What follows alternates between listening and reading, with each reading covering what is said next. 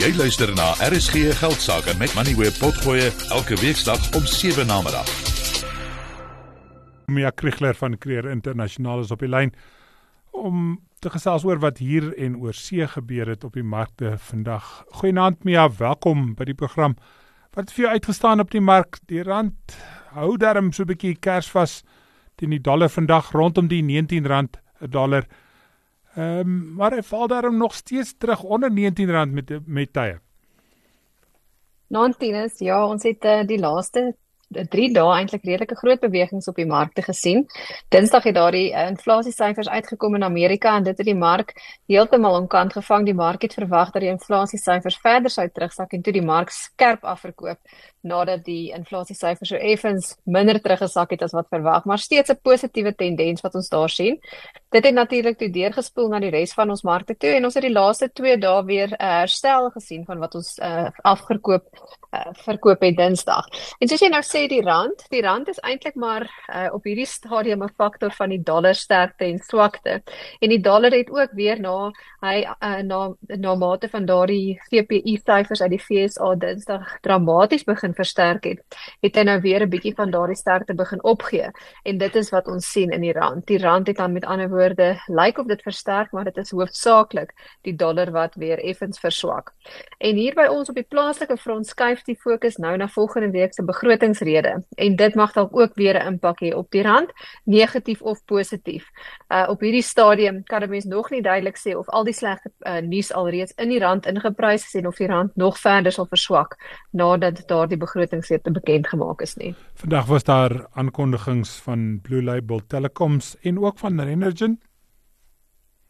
Ja, ons het vandag van Renergen gehoor dat hulle nou uh binnekort, hopelik binne die volgende week of wat, na die Chinese uh, nuwe jaar afgehandel is, daardie vervangingseenhede gaan kry wat hulle helium produksie weer aanlyn gaan bring. Daardie produksie van helium by Renergen is dan nou al verby kan 7 maande gestaak as gevolg van uh, foute en probleme wat hulle ondervind het in hulle produksielyn. So dit is 'n redelike belangrike uh, punt vir hulle. Hulle aandeleprys het ook positief daarop reageer met bykans 5% sprong wat ons gesien het hier um, na die middel van die oggend toe. En ja, dan het ons van Blue Label gehoor dat dit maar 'n uh, moeilike omgewing is as jy nie een van die groot spelers in die in die telekommunikasiespasie in Suid-Afrika is nie. Blue Label wat nie net sukkel met hulle met hulle markandeel wat dan natuurlik hulle winste beïnvloed nie, maar ook met 'n baie groot hoeveelheid skuld op die maatskappy se boeke. En dit is alles 'n uh, redelike swaar las op hulle op hulle verdienste en as ons kyk en ons nou dieper indelf in die wesensverdienste syfers, dan kan ons sien dat 'n groot gedeelte daarvan ook as gevolg van die skuld is wat hulle dra. En dit gaan maar swaar met hierdie maatskappy.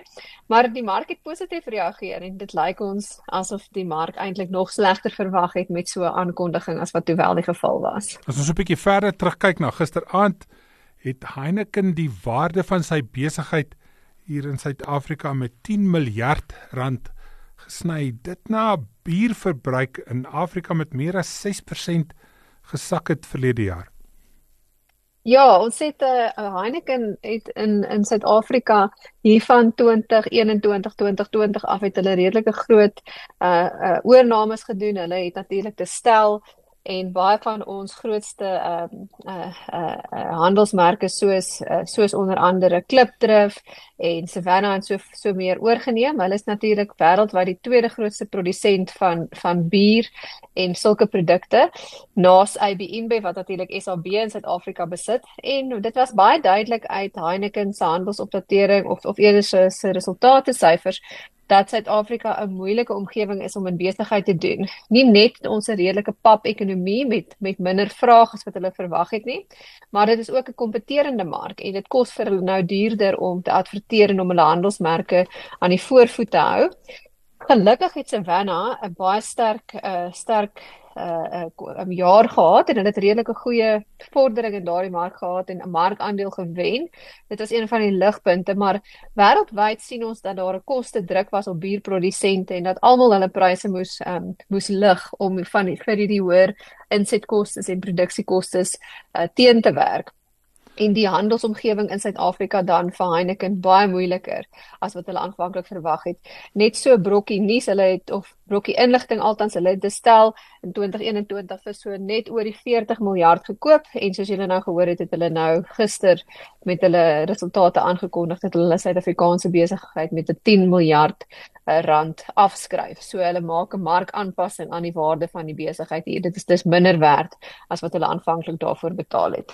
As ons kyk na nog 'n groot maatskappy met belange hier in Suid-Afrika, Body Shop sê hulle gaan winkels toemaak en 'n klomp werknemers afdank. Die Body Shop hier in Suid-Afrika word deur Clicks bestuur en en Clicks het vandag gereageer en gesê dis maar hulle gaan aan soos gewoonlik en werksgeleenthede hier in Suid-Afrika is nie onder druk al gaan dit sleg met die Body Shop in die Verenigde Koninkryk en Europa nie bietjie goeie. Dis reg van ja? van Ja, so as ons kyk na Klik se groter besigheid is die Body Shop maar 'n klein gedeelte van Klik se bedrywighede en Klik is 'n uitstekende bestuurdermaatskappy, definitief een van die uitblinkers op die JSE uh, wat bestuur en doeltreffende uh, soort van uitvoering van van besigheid betref. Hulle het dan ook baie goed gevaar deur die jare vir aandeelhouers wat wat in in Klik belê het. Maar soos ek sê, Body Shop 'n kleiner gedeelte van hulle besigheid. Dit is weer eens 'n mark wat uh, wat pyn voel wanneer die ekonomie onder druk is en plaaslik sowel as in die VK is mense meer prysensitief na mate die inflasie druk wat die laaste 3 jaar in die mark was oral deur die wêreld en dit bly maar 'n gedeelte van die mark wat gaan swaar trek as mense prysensitief raak en nie meer al die luksere koop wat hulle voorheen gekoop het nie. Maar soos ons noem, dis 'n baie kleiner gedeelte in Clicks se groter uh, prentjie van besigheid en dit is nie so groot kommer op hierdie stadium vir hulle nie. Die res van die wêreld, ja, meeste van die internasionale markte is in die groen. Ek sien die Nasdaq sak op die stadium so 0,4% terug, maar hy is die enigste een en Bitcoin en Ethereum is nog steeds aan die styg.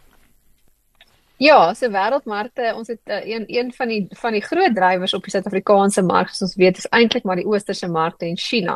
En hierdie markte is dan nou toe van hierdie week as gevolg van die die Chinese nuwe jaar, die jaar van die draak.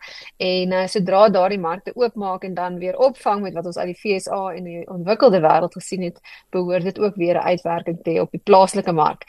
Maar ja, markte het herstel soos ek gesê het van Dinsdag se afverkoping en uh, ons behoort 'n redelike uh, voortsetting daarvan te sien uh, soos wat hierdie resultate seisoen uitloop. Baie dankie Meadus Mia Kriegler van Creer Internasionaal. Sy bly hier by ons om te reageer op van die insette net hierna. Jy het geluister na RSG Geldsaake met Money where potgoe elke weeksdag om 7 na middag. Vir meer Money where potgoe, besoek moneyweb.co.za of laai die toepassing af en volg Moneyweb News om dagliks op hoogte te bly.